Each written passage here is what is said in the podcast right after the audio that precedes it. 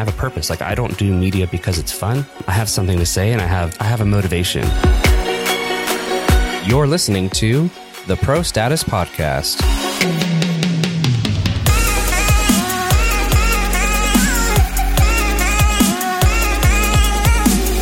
Welcome to the first ever episode of Pro Status. I'm Jesse. I'm Drake. So Drake and I, we work in the production industry and specifically we work in live events. We also do post production, commercial projects and things like that. Well versed in many things, but live is definitely our jam. Yep. Anything from audio, video, lighting, that's what we do. So the whole AVL package and then post. We do a lot of post work on all of our projects. So why the heck are you listening? Well, this is our new podcast. And honestly, we've been really attempting to do this for the last two years, probably. Yep, it's been a while. And we're finally we, recording for the first yeah, time. We used to, yeah, the first version of this was going to be called Long Ride Home because if you're in production, you know the post event conversations are on the drives the or during the travel are just anywhere from Bigfoot to. And we were, at the time, we were driving a lot there's a group of us that kept do- driving to our events. And so we're like, let's name this long ride home and record our podcast in the car, which never happened. That would have been some great content, but that never happened. And honestly, I don't know if I wanted my mom to hear all those conversations. So. so what we're doing now is we're starting pro status and and what that means to us is you know if you're working in actually in any area of our life we want to be the best that we can be you know, that could be a professional mom, that could be, you know, a pastor, it could be a business person. But when we say pro status, what we're really saying is that how do you be the best version of yourself? And we're going to be talking about all of those things on how to be the best, how to show up, to be present, to be powerful, to have a voice of authority, to be someone who has integrity. And specifically, we're saying all those things through the filter of a production professional. Yep since we work in the professional industry, we are going to talk about how to be a pro in your work area, but also since our work is pr- production, we're going to talk mostly with the glasses of mm-hmm. or the filter of being in production. Yeah, and, and again, it's it's about um, having a perspective on life and the work that we do. Mm-hmm. And those are the, the things that aren't often talked about that really separate pros from just being average or mediocre. So that's definitely what we're about. We're super stoked. We're going to jump into some of the things that we are going to be covering. Yeah. So it's not going to be just Jesse and I the whole time. So you're not going to get bored listening to our podcast. Since we're in the production industry, we're going to have guests. Some of those guests might be like Chris Greeley, Chad Vegas, those types of people that we work with and also are very pro in their industry. We have actually have a long list of people that we want to have on the podcast and interview and ask questions. Yeah, we actually have something around 30 people lined up on our list that, that we have lined up to interview. And they're all people from either from corporate or church production or have at least industry experience in the production space yeah. and they're all recognized as professionals in what they do. Most of these most of these guys we actually know really well or well enough to know that they're high level, high caliber, high integrity people. They hit the pro status mark. They hit the sure. pro status mark. Absolutely. So we're definitely going to be uh, diving deep into that. We also have a lot of user feedback already and so we'll be answering a lot of your questions We've the best that we can. Gathering lots of data from multiple social media accounts that we have to collect this data and these questions. So we took all these questions and we compiled it into a list that made more sense instead of being random audio specific questions, lighting specific questions, video specific questions, and then even like team building questions and how you build a team, whether that's staff or volunteers, those types of questions are all there and we compile them to make more sense so we can actually ask our guests these questions and, and give you better answers and feedback. So I think what we should do is probably answer a question to ourselves since this is episode one. Yep. And there's no guest this time. It's just Jesse and I were launching this thing.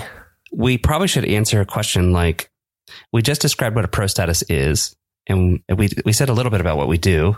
Yeah, I think I'll say this. So I do work in the church or faith based production space, probably as much as I do work in the corporate space. And one of the things I've learned is most people in the commercial or corporate space carry a lot of ego and pride, which can be good and bad. But I think ultimately they're there to collect a paycheck. And I'll, I'll say this all the time. Like for me, when I'm training my guys, I say, if you're working for me, you're not showing up just to capture or get good coverage, which is a common term for broadcasts. Like, oh man, this is great coverage, right? That's not what we do. We look at it as, you know, we're, we're approaching an event or whatever, whatever it is that we're doing. And we want to wear the filter. Hey, how are we adding value? What's, what's the extra contribution that we're making? Like, mm-hmm. how do we insert ourselves into this culture? You know, these guys are paying us to be the professionals and they're not paying us to just do the minimum. They're paying to have an experience, right? Mm-hmm. Part of being a professional is creating those experiences that people want and will keep you getting hired. And, you know, for me, I have a, I have a purpose. Like I don't do media because it's fun. I do it because I have a conviction and I feel like I'm, I have something to say and I have, I have a motivation. Mm-hmm. And, and so when I get up in the morning, I'm not thinking, how am I making money? I'm wondering how the heck, how am I going to make an impact? And uh, one of the most rewarding things in the world is when you get to activate somebody's big dream and you get to facilitate that through and show them what could be done and actually execute on it and just blow their mind. And uh, I've had many talks where people are just literally in tears because you've literally partnered with a, a dream that they have and their life and all the lives that they're a part of are impacted by that. Mm-hmm. And you get to be the instigator mm-hmm. and you're just a media guy. And so it's just amazing. It's a beautiful thing. The other thing, and this is agreeing with Jesse, is up until 2000, the beginning of 2018, I toured a lot. And on those tours, they were all Christian based tours, but we worked with a lot of people in the secular industry, whether that was the local hands hired per venue or the tech staff from the production companies that we were working with that traveled with us. Most of them not Christians. Again, just there for the paycheck. That's what their job is. That's what they're doing. But after working with us, you know, most of these tours are two weeks at a time.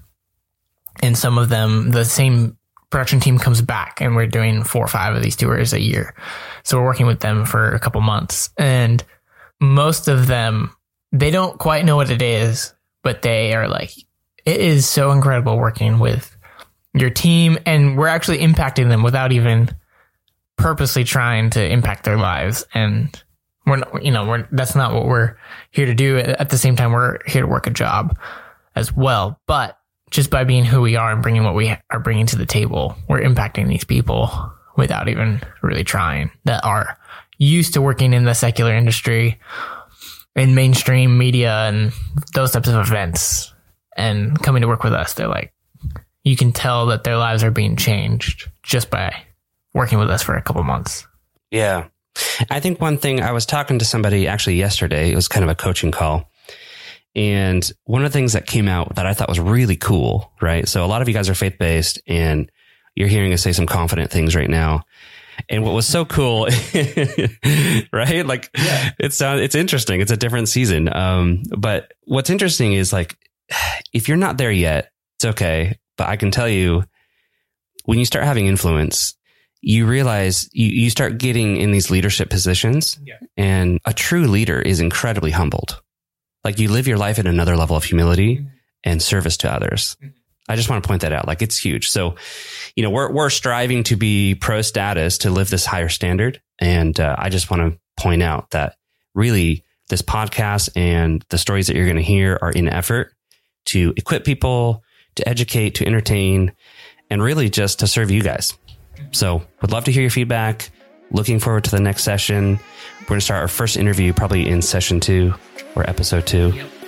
And uh, we'll be back. So until then, that's a wrap. Thanks for listening to the Pro Status Podcast. Be sure to go to the website and download all the episode details.